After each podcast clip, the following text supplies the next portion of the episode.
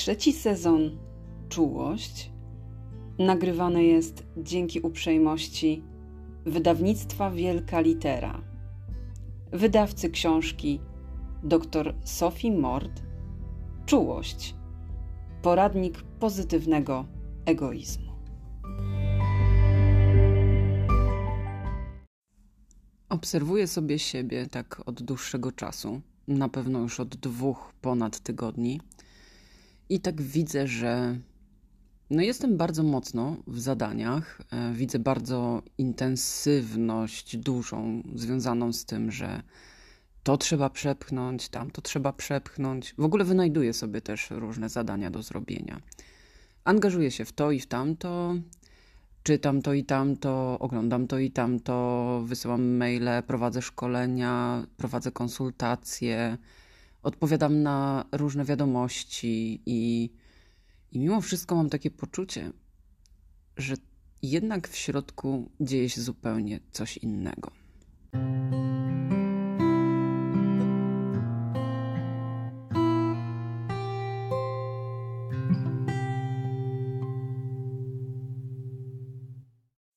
To, czego doświadczam, to raczej jakieś takie zastygnięcie, zatrzymanie, paraliż. Mm, nie wiem, co to jest. Podniesiono mi stopy procentowe właśnie dzisiaj od kolejnego miesiąca i rata kredytu będzie jeszcze wyższa. Ceny paliw ostatnio były jakieś tak e, masakrycznie wysokie, że nawet, nawet wyparłam. Po prostu weszłam w wyparcie i powiedziałam sobie, nie, naprawdę nie będę w ogóle o, o tych cenach benzyny myśleć. Oczywiście wszystko tak naprawdę powoduje we mnie teraz reakcję już kurwa więcej nie. Naprawdę. I widzę, że docieram do jakiejś ściany, e, stykam się z nią już prawie noskiem. Wiem, że już e, dalej się siebie przepchnąć nie da i zastanawiam się, co dalej. I jak się tak zastanawiam, to sobie tak zastygam. I ogólnie rzecz biorąc, zauważyłam, że to, o czym w tej chwili marzę, to nie są jakieś wielkie rzeczy. Nie, nie marzę o tym, żeby wyjechać na przykład e, do Tajlandii. O czym ogólnie marzę, ale teraz absolutnie o tym nie marzę. E, nie zastanawiam się też nad tym, e, jak na przykład zarobić kupę hajsu, żeby sobie coś fajnego sprawić. W ogóle od pandemii o czymś takim w ogóle nie myślę. No. Jestem też w jakimś takim odizolowaniu siebie od siebie. I, i, i to, jest, to jest tak dziwne, że sama nawet nie wiem, co się dzieje. I okazuje się, że jest na to zajebiste wytłumaczenie. I znalazłam je w książce Czułość dr Sophie Mort. I o wszystkim Ci dzisiaj opowiem. Natłoki myśli, nadmierne wzruszenia, zachwyty pięknem i potoki słów, upragniona cisza, zbyt duża empatia i dostrzeganie niuansów. To wszystko jest darem, a zarazem przekleństwem w wysoko wrażliwym świecie. Idąc ulicą, spędzając czas z bliskimi, rozmawiając z szefem, na każdym kroku masz otwarty szeroki kanał odbioru każdego dźwięku, gestu, słowa, obrazu. Czym jest? Jak sobie z nią radzić? Skąd się tu wzięła? Głęboko wierzę, że świat potrzebuje dzisiaj przede wszystkim wrażliwości Zapraszam na wysoko wrażliwy podcast. Małgosia Leduchowska. Mam dla ciebie fragment książki, dosłownie krótki cytat. Nie będę się silić na to, żeby własnymi słowami powiedzieć coś, co jest bardzo dobrze powiedziane. A zatem nadstaw uszu. Reakcja zastygni wiąże się z zupełnie innymi uczuciami niż reakcja walcz lub uciekaj. Wrażenie, że uda się coś zrobić, znika, a w jego miejsce pojawia się takie poczucie niemożności. W skrajnościach właściwie ciało i umysł działają w spowolnionym tempie, a nawet dochodzi do tymczasowego fizycznego paraliżu i otępienia umysłowego. Istnieje cholernie dobre wytłumaczenie, dlaczego tak się dzieje. W obliczu zagrożenia życia nie wybieramy świadomie reakcji. Nie decydujemy, czy będzie to reakcja zastygnij, czy jakaś inna. Narzuca nam to mózg. Można być wytrenowaną w technikach samoobrony, współczesną wersją Brusali, ale mimo to i tak zastygnąć, gdy napotka nas po prostu niebezpieczeństwo. Reakcja zastygnij pojawia się, w każdym razie powinna, kiedy mózg stwierdza, że przed danym zagrożeniem nie da się uciec.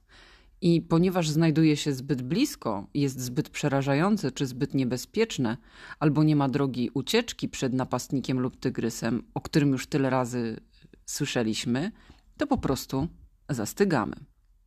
W przypadku tygrysa ta reakcja pomogłaby w sumie z kilku powodów. Spowolniłby się wówczas twój oddech, a ty mogłabyś zauważyć, że go wstrzymujesz. Obniżyłaby ci się temperatura ciała, przestałabyś wykonywać jakiekolwiek ruchy. Czy widziałaś kiedyś, jak jakieś zwierzę udaje martwe, aby zniechęcić potencjalnego drapieżnika? Albo chowa się i kamienieje ze strachu. Takie znieruchomienie może uratować życie. Zaczęłabyś czuć się otępiała, a wszystko nagle mogłoby wydać się nierealne. Mogłabyś mieć nawet wrażenie, że oglądasz film lub kogoś innego, przed którym właśnie stoi ten tygrys. Jeżeli udawanie martwych nie powstrzymuje zagrożenia, potrzebny jest plan awaryjny. Dlatego podwyższa się próg bólu i zaczyna się właściwie dysocjować, czyli czuć się kompletnie odciętymi od chwili obecnej. Co ma za zadanie znieczulić nas na to, co może się wydarzyć. Powinno do tego dochodzić w sytuacjach naprawdę zagrażających życiu. Zdarza się to jednak także w okolicznościach takich szczególnie y, specyficznych, jeśli tryb zastygnięcia pomógł komuś szczególnie wtedy przetrwać coś w przeszłości. No i ja to przeczytałam i pomyślałam sobie, kurde. Czyli w środku jakoś tak we mnie jest jakieś takie właśnie zastygnięcie, zamrożenie. I zastanawiam się w sumie od kilku dni, czemu, jak to, skąd to się w ogóle wzięło i no wiadomo skąd się wzięło, ale pytanie jak to zatrzymać. No i tych wskazówek naprawdę z dużym zaangażowaniem poszukałam. Myślę sobie, że jako społeczność, szczególnie nasz naród w tej chwili, po tym ogromnym zrywie, który nadal trwa, e, ale mimo wszystko osiąga jakieś swoje apogeum, e, doszliśmy do takiego momentu, w którym czujemy, że chyba właściwie nie wiadomo, czy da się zrobić więcej. Organizacja była super, wszyscy dawaliśmy radę, e, niektórzy z nas jeszcze cały czas ciągną, ja też. E, I, I wydaje nam się, że to po prostu trzeba robić i to jest super. Natomiast mimo tego, że mamy świadomość, że nie da się ciągle być na takich wysokich rejestrach i że powinniśmy o siebie zadbać, i nawet jeżeli dbaliśmy, to i tak może się okazać, że właśnie mm, wszelkie możliwości wspierania innych e, już e, nie są w nas po prostu dostępne, że tak jakbyśmy się wyprztrykali z tego wszystkiego, co moglibyśmy dawać. I mogą się pojawiać różne rzeczy w związku z tym. No chociażby takie jak e, zaćma. E, wcześniej mieliśmy do czynienia z mgłą covidową, teraz możemy mieć po prostu z mgłą dotyczącą wyeksploatowania naszego, e, naszej empatii, naszy, naszych rezerw psychologicznych i wszystkiego, co, co się z tym wiąże. Jeśli na przykład e, przyjmujemy do siebie osoby, które mm, doświadczyły mm, tych wszystkich okrutnych rzeczy e, w swoim kraju, e, to możemy też ulegać tak zwanej wtórnej traumatyzacji i mm, powoli może się w nas też takie zjawisko rozwijać, nawet jeśli tylko słuchamy o czymś, a niekoniecznie mieliśmy z tym do czynienia. Generalnie to, czy my oglądamy film, czy doświadczamy czegoś naprawdę, jeśli tylko wywołuje to w nas konkretne emocje, to nasz y, mózg, nasze ciało po prostu na to reaguje i nie ma innej opcji, to się gdzieś odkłada. Więc y, ta zaćma, ten taki jakiś bug, który mamy w tej chwili w, w toku rozumowania, albo takie uczucie tunelowania, że my jesteśmy tylko w jakimś wąskim tunelu właśnie tudusów, zadań i tego wszystkiego, jest zupełnie naturalne i nie ma sobie co wyrzucać. oczywiście, jak sobie tak siądziemy i się zastanowimy nad wszystkim, nad sobą, nad życiem, nad sensem, e, no to pierwsze, co przychodzi nam do głowy, i tu e, trochę wy wystawiam tak palec do góry i nim trochę sygnalizuję, że teraz będzie coś ważnego, e, to możemy mieć takie poczucie, no okej, okay, ale ja jestem przecież w Polsce i nic się tutaj nie dzieje, nie ma żadnych bombardowań, nie dzieją się te tragiczne rzeczy, które w zupełnie y, popieprzony sposób spotykają osoby, które w ogóle sobie na to nie zasłużyły. E, I, i potem pojawia się cały szereg takich e, myśli związanych z tym, nie ma powodu do obaw, to dlaczego się boję? Nie mam przecież do czynienia z tym wszystkim, to dlaczego mnie dopada jakaś nostalgia, marazm, lęk i to wszystko. No i teraz ogólnie e, to, to jakby to, że pojawia się w nas ta reakcja zastygnij, za, za, zastygnięcia, nie wynika z tego, że e, w ogóle powinniśmy sobie mówić, no, no, z jakiej paki to mi się przytrafia i w ogóle nie powinniśmy takiej narracji prowadzić. E, I absolutnie kurka siwa, chociaż ja sama też jakoś jestem tak bardzo na pograniczu, no to jednak mimo wszystko po prostu trzeba przyjąć to, że właśnie w tej chwili ta reakcja w nas zachodzi. I nie można dłużej najzwyczajniej w świecie sobie mówić, to się nie dzieje, e, tak nie jest, przecież medytuję, przecież robię jogę, przecież dobrze się odżywiam, staram się spać, mniej używam mediów społecznościowych, nie oglądam telewizji. No, no wszystko fajnie, pięknie. Tylko pytanie, czy mieliśmy szansę to wszystko odreagować? Jeśli nie, a ja jak sobie zrobię rachunek sumienia, to mam poczucie, że raczej tylko przyklejałam plasterki niż odreagowywałam, to nie ma się co dziwić, że ta reakcja właśnie w tej chwili rozgaszcza się w naszych umysłach, w naszych ciałach i zaczyna po prostu sięgać łapkami po swoje. I chyba taką y, mam głębszą refleksję, że właśnie nie powinniśmy sobie absolutnie tego wyrzucać. E, I tak trochę mówię to z własnej perspektywy, bo ja sobie zaczęłam to wyrzucać. Na przykład dwa dni się pałowałam mówiłam sobie, kurde, Gośka, z jakiej paki ty w ogóle w tej chwili się tak e, e, możesz czuć? Absolutnie nie masz prawa. No właśnie mam prawo i ty też masz prawo. I, i to właściwie chciałam ci powiedzieć.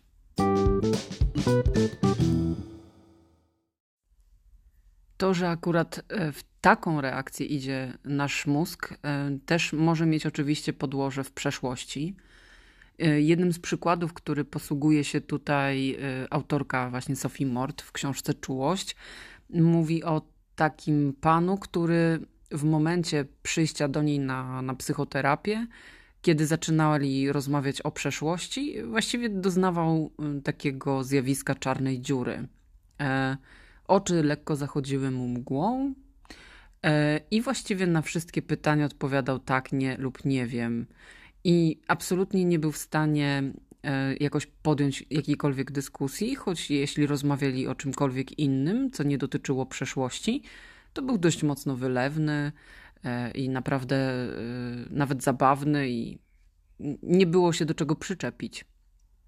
Problem polega na tym, że też ten wspomniany pan e, doświadczył w przeszłości e, dość silnych e, i, nieprzyjemnych sytuacji związanych z przemocą domową.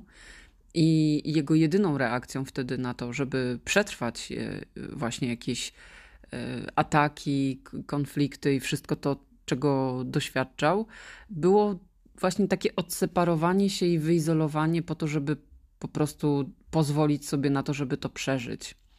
Więc e, ta dysocjacja, takie odłączenie się od siebie e, i wszystko to, co e, nasz mózg jeszcze potrafi wygenerować w tej reakcji zastygnięcia, pozwalało mu bardzo skrupulatnie iść dalej i jak mijało zagrożenie, po prostu wracać do swoich normalnych czynności i jakoś dalej funkcjonować, nie, nie roztrząsając się nad tym za bardzo.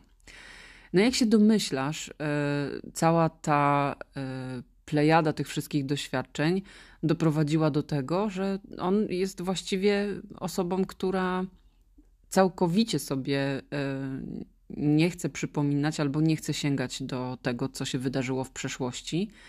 No ale z drugiej strony, skoro o tym napisała pani doktor Sophie Mort, to też mamy dość dużą pewność, że się dogrzebała do źródła i popracowała jako psychoterapeutka nad tematem, który naprawdę wymaga opieki. A gość przyszedł w sumie z taką e, dziwną przypadłością dotyczącą tego, że jakby nie potrafił też rozmawiać ze swoją partnerką.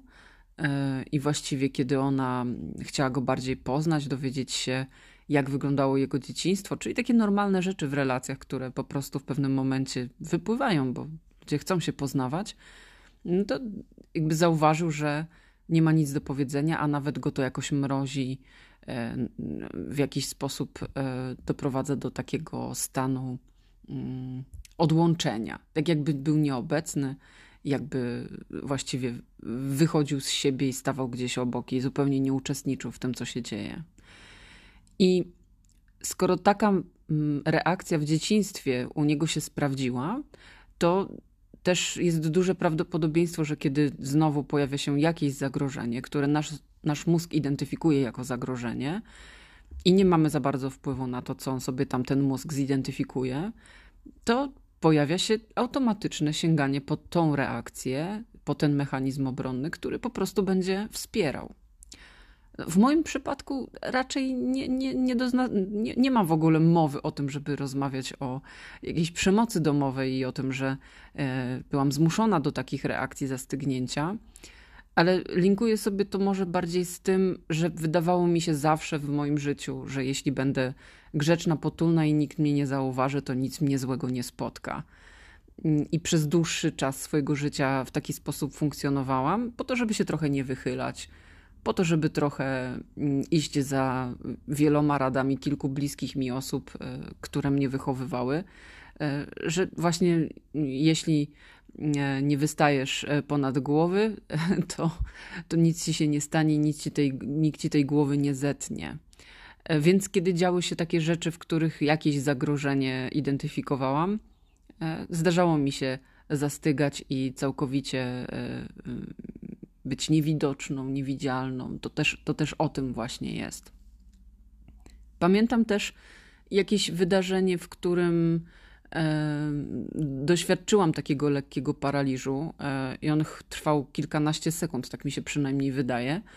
E, I to też mi tak pokazuje, że jednak e, ta forma obronna no, potrafi się u mnie aktywować w zupełnie niespodziewanych warunkach.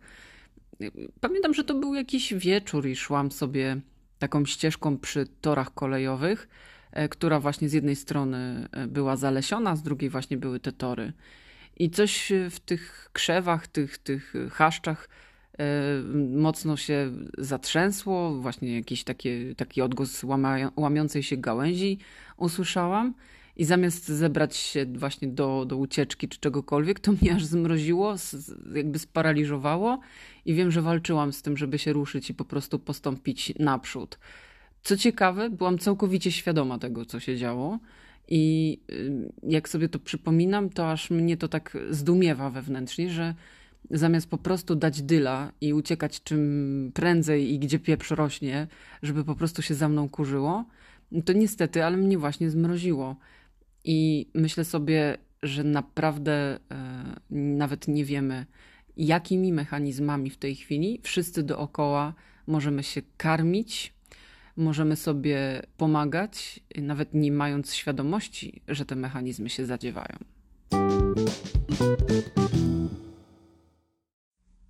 No i pewnie czekasz na jakąś wskazówkę, remedium, poradę. Nie wiem, czy tak wprost cokolwiek jestem w stanie podpowiedzieć, bo sama borykam się z tym wszystkim. Tak, okazuje swoją bezbronność miękki brzuszek i, i to, że nie mam recepty na każdą rzecz związaną z życiem, z funkcjonowaniem, z psychiką i pewnie każdy z nas musi sobie to wszystko bardzo dokładnie poukładać. Natomiast nic lepszego nie można dla siebie zrobić, jak tylko uświadamianie sobie, wyparcie, powtórzę się, to najgorsza ze strategii, którą możesz w tej chwili zastosować. W tym wszystkim tak naprawdę istotne są myśli. I no co jak co, ale wysoko wrażliwe osoby na temat myśli to wiedzą bardzo dużo, a szczególnie na temat overthinkingu. Problem polega na tym, że my za bardzo tym myślom wszystkim wierzymy. I to, że taka reakcja w nas się pojawia, jak zastygnięcie, czy też e, wspomniane przeze mnie reakcja walcz, uciekaj, jest też taka reakcja łaś się, czyli przypodobaj po to, żeby e, budować sojusze, a nie generować jakichś konfliktów. To generalnie rzecz biorąc, e, to wszystko powiązane jest z tym, co ta nasza głowa po prostu wyprodukuje. A jeśli mielibyśmy się po, w ogóle pokusić o to, y, czym są myśli, to myśli są słowami i historiami połączony, połączonymi przez mózg w jakąś jednolitą całość. Mm, obrazy, słowa, historie, ciach i jest jakaś myśl. I ta myśl potem wywołuje w nas konkretne reakcje. Więc e, to jest taka rzecz, którą myślę sobie dość ważne, żeby zacząć nią zarządzać i próbować e, w jakikolwiek sposób wpłynąć. Choć oczywiście te wszystkie natłoki myśli, które mamy, e, te wszystkie, e, te, te, te, wszystkie scenariusze, to, to wszystko, co związane jest z tym, jak my się teraz próbujemy przygotować jeszcze na najgorsze, to to, to jest tak naprawdę coś, co można okiełznać. Nie, nie jest to najłatwiejsza czynność do zrobienia, ale na pewno y, można coś z tym zrobić. No i żeby coś z tym zrobić, to trzeba sobie uświadomić, jakie mamy sposoby myślenia i które być może są naszymi najczęstszymi ścieżkami, na które po prostu z automatu wchodzimy. I y, to jest ciekawe, bo właśnie w książce Czułość znalazłam kilka sposobów, które są sposobami myślenia, które bardzo mocno wpływają na unieszczęśliwianie siebie. I pierwszy z nich to jest tak zwane myślenie czarno-białe. Wtedy, kiedy myślimy w takich kategoriach e, skrajności. Wtedy, kiedy sobie mówimy, że jeżeli nie wszystko jest idealne, to wszystko jest do niczego. I jakby e, w tej chwili, w obecnej sytuacji, wysoko wrażliwe osoby sobie myślą, skoro jest zagrożenie wojny, skoro e, rosną stopy procentowe, skoro idzie jakiś wielki kryzys gospodarczy, to znaczy, że ja nie mogę być szczęśliwa, to znaczy, że nie mogę funkcjonować, to znaczy, że trzeba mnie sparaliżować. Jak się tak trochę skulę, zniknę, to może wszystko minie i tak dalej. Drugi sposób e, myślenia unieszczęśliwiającego to tak zwany filtr mentalny. Wtedy, kiedy ignorujemy pozytywne aspekty danej sytuacji i skupiamy się wyłącznie na negatywnych. I dokładnie to w tej chwili robimy. Zamiast skupić się też na tym, że na przykład jesteśmy zdrowi, że e, wiele rzeczy jest jeszcze w porządku i to jeszcze, tak powiedziałam, bardzo automatycznie, ale sobie tak myślę, wiele rzeczy po prostu jest w tej chwili w porządku i nie mamy w ogóle pojęcia tak naprawdę, co będzie dalej, to nie jest prawdą, że ten filtr w jakikolwiek sposób od, jakby odpowiada temu, co, co, co, co będzie. Nie mamy, żadna z nas nie ma umiejętności przewidywania przyszłości. No chyba, że o czymś nie wiem. Jak masz taką umiejętność, to napisz do mnie. Trzeci sposób myślenia, który nas unieszczęśliwia, to przeskakiwanie do wniosków. I właściwie tak na podstawie niewielu informacji zakładamy, iż wiemy, co się stanie, i dalej e, tak naprawdę wszystko, cały świat się skończy, mimo że ten świat jest nieprzewidywalny. No, u nas e, w naszym kraju, choć myślę, że to nie wiem, no, chociaż może to jest polska domena, nie wiem, nie chcę e, stygmatyzować, dość mocno czuję się patriotką i nie chcę źle mówić o naszym narodzie, to tak czy siak muszę powiedzieć wprost, że my naprawdę staliśmy się wcześniej ekspertami od pandemii, a teraz jesteśmy oczywiście ekspertami od geopolityki, od e, strategii e, militarnych, od, od wszystkiego niemalże. I e, na jakiej podstawie tak jest, to nie mam pojęcia. My nie wiemy, w jaki sposób ten konflikt na Ukrainie się zakończy. Nie mamy pojęcia, ile będzie trwał, a wiele z osób próbuje właśnie kreować się na takich e, nie, niezwykle e, poinformowanych ludzi, którzy doskonale wiedzą, w jaki sposób się to dalej potoczy. No, gówno prawda. Przepraszam za doniosłość mego słowa, ale, ale to nie jest prawda. No, nie jest. Kolejny ze sposobów unieszczęśli unieszczęśliwiających nasze myślenie e, i nasze funkcjonowanie to czytanie w myślach. No i to jest taki sposób, do którego my, jako wysokowrażliwcy, to my jesteśmy cudownie, ale to cudownie wręcz przekonani. To wynika oczywiście z tego, że my mamy taką umiejętność odczytywania potrzeb innych, e, podążania za e, czyimiś oczekiwaniami i tak dalej. Natomiast, no, powiedzmy sobie szczerze, nawet jeżeli wielokrotnie to było trafne, to nie zawsze jest tak, że trafiamy znowu w punkt. E, I to, to czytanie w myślach to takie zakładanie, że wiemy dokładnie, co ktoś myśli, i, i bardzo często wierzymy w to wszystko, co sobie pomyśleliśmy. No, na przykład, o, dziwnie na mnie spojrzał, na pewno mnie nienawidzi. E, jak e, było przemówienie Putina, albo Łukaszenki, albo jak siedział przy tym długim stole z, z, wszystkimi tam, których do tego długiego stołu zapraszał, e, to wyglądał na takiego. W ogóle też czytałam jakieś artykuły dotyczące analizy słów, y, mimiki twarzy i wszystkiego, jakby ludzie robiąc z siebie po prostu ekspertów od mm, naprawdę nie wiadomo jakich rzeczy. Prawda jest taka, że w ogóle nie wiadomo, gdzie ten człowiek jest i nie wiadomo, co planuje i jakie ma dalsze strategie na to, co rozpętał. No i, i, i, i jakim prawem e, możemy sobie od razu zakładać i czytać w myślach na tematy wszelkie u innych ludzi. W sumie to nawet mm, pomimo mojej wielkiej otwartości w stosunku do ciebie, to pytanie, czy tak naprawdę jesteś przekonany, co ja w tych swoich myślach mam, lub przekonana? E, no, no właśnie. Kolejny y, sposób myślenia to uzasadnianie emocjonalne, czyli wnioskowanie na podstawie emocji. I to jest taki sposób, w którym zakładamy, że jeśli coś czujemy, to to, to jest prawda. Na przykład czuję się głupi, więc na pewno jestem głupi.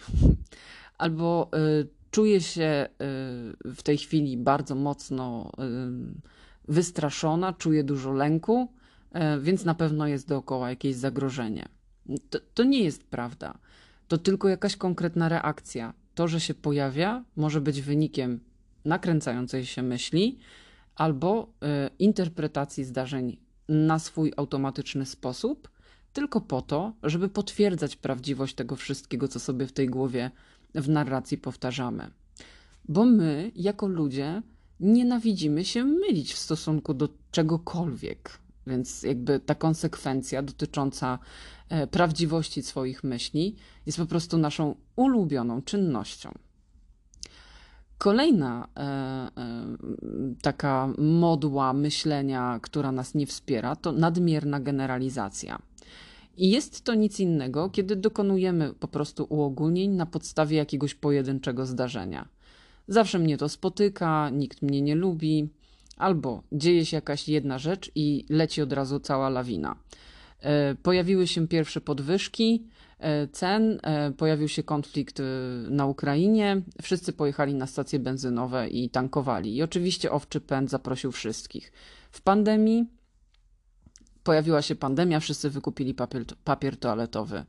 No i, i jest to nadmierna generalizacja, e, bo tak naprawdę można było sobie odpuścić to kupowanie papieru toaletowego i można było też odpuścić to masowe tankowanie, które również przyczyniło się do podwyżek cen za paliwo.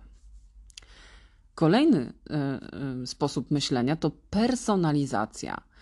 I no, to jest już w ogóle taki creme de la creme u osób wysoko wrażliwych, po prostu traktujemy wszystko osobiście.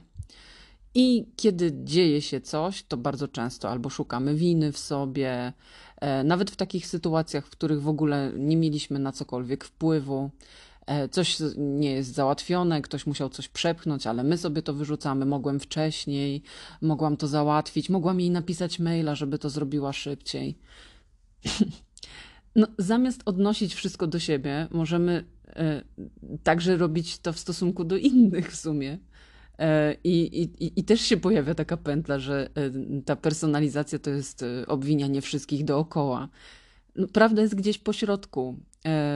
Możemy mieć poczucie winy, jeśli naprawdę coś zawaliliśmy, Możemy obwiniać kogoś e, wtedy, kiedy rzeczywiście ten ktoś zawinił, ale warto to weryfikować.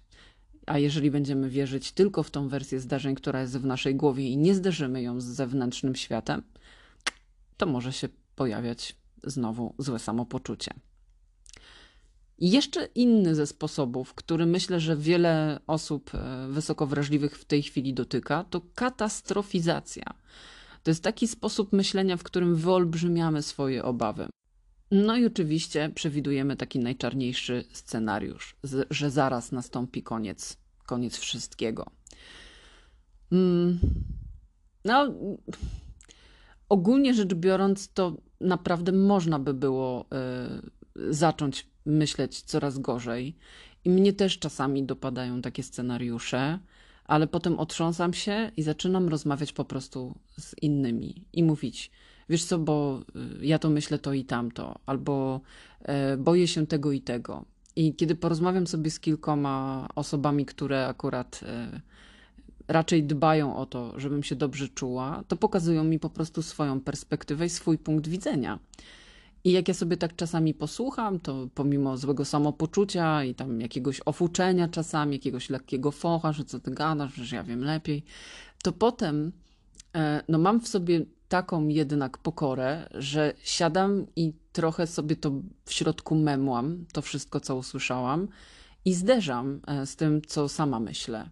I często wychodzi na to, że ja się po prostu najzwyczajniej w świecie nakręciłam. No i u osób wysoko wrażliwych to bardzo normalne. I ostatni sposób myślenia do diagnozy e, odrzucanie pozytywów. I jest to taki sposób, kiedy coś dobrze nam wychodzi, ale i tak umniejszamy sobie sukces. Jakby u mnie, u mnie to jest uhuhu, e, coś nad czym pracuję e, nad, nad sobą sama i pracuje nade mną cały świat. E, I myślę sobie, że to jest chyba mój najczęstszy styl funkcjonowania, jeżeli chodzi o myślenie. Natomiast tak czy siak, dobrze się zastanowić, czy nam się coś udaje, czy po prostu coś dokonaliśmy. E, czy coś jest sukcesem, bo to jest kwestia przypadku i akurat takiego zderzenia się różnych zdarzeń naszego życia, czy może po prostu naszych kompetencji, umiejętności. E, I to odrzucanie pozytywów też e, w tej chwili, myślę sobie, może robić nam bardzo pod górkę, szczególnie wtedy, kiedy na przykład nie doceniamy się za to, że daliśmy radę funkcjonować przez kolejny dzień naszego życia. No ja serdecznie polecam przez najbliższe 24 godziny e, poobserwować sobie e, to, w jaki sposób myślisz i czy przypadkiem któryś z tych stylów myślenia nie odpala ci się jakoś e, specjalnie intensywnie. Powtórzę: myślenie czarno-białe, filtr mentalny, przeskakiwanie do wniosków, czytanie w myślach, uzasadnianie emocjonalne, czyli wnioskowanie na podstawie emocji, nadmierna generalizacja, personalizacja, katastrofizacja i odrzucanie pozytywów. Możesz do mnie napisać i podzielić się, który z tych stylów myślenia jest ci często najbliższy i ci się odpala. Może coś razem na ten temat wykminimy.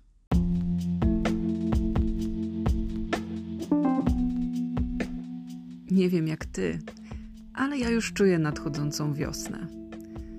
Trochę da się to wyczuć w powiewach cieplejszego wiatru i w dłuższym dniu.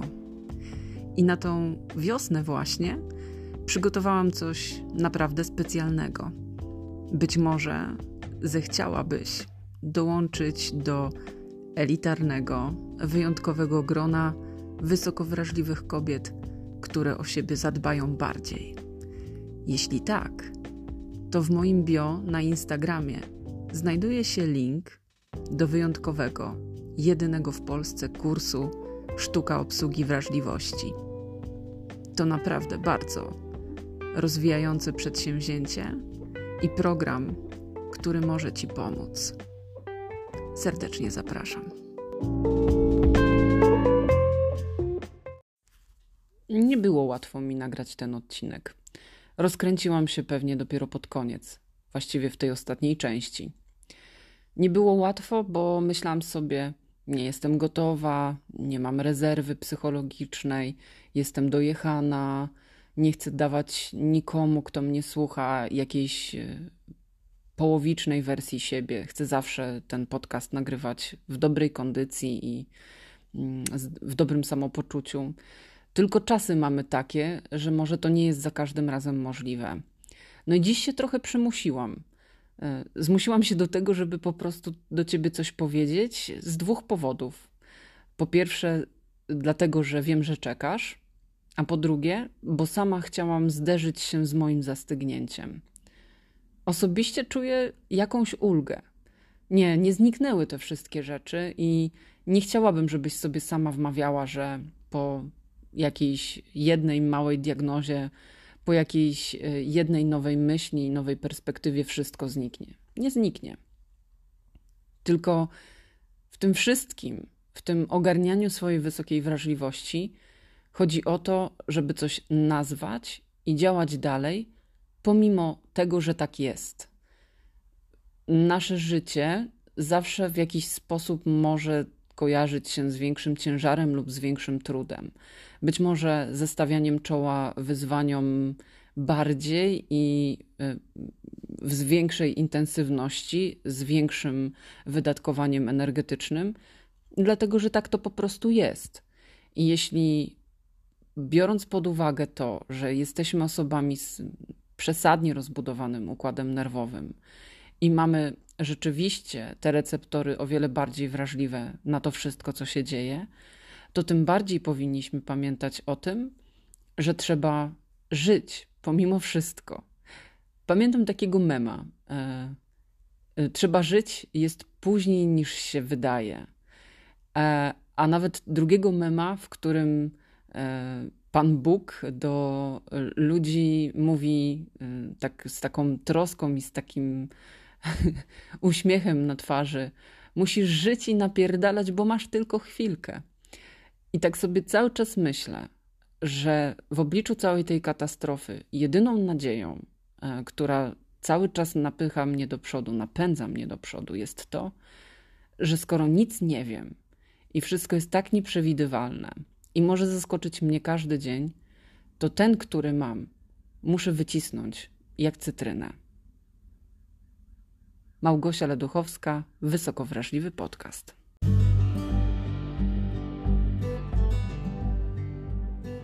Zarówno mój podcast, jak i książkę Czułość w formie audiobooka i e-booka znajdziecie w aplikacji Empik Go. Mam dla Was specjalny kod Leduchowska. Z tym kodem otrzymacie 30 dni korzystania z aplikacji Empik Go i uwaga, uwaga, jako bonus także aplikacji Empik Music za darmo. Aby aktywować kod, wejdźcie na stronę www.empik.com gofree, a kod ważny jest tylko dla nowych użytkowników aplikacji Empik Go i Empik Music. Działa tylko na terenie Polski. Kod możecie wykorzystać do końca kwietnia 2022 roku. Serdecznie polecam.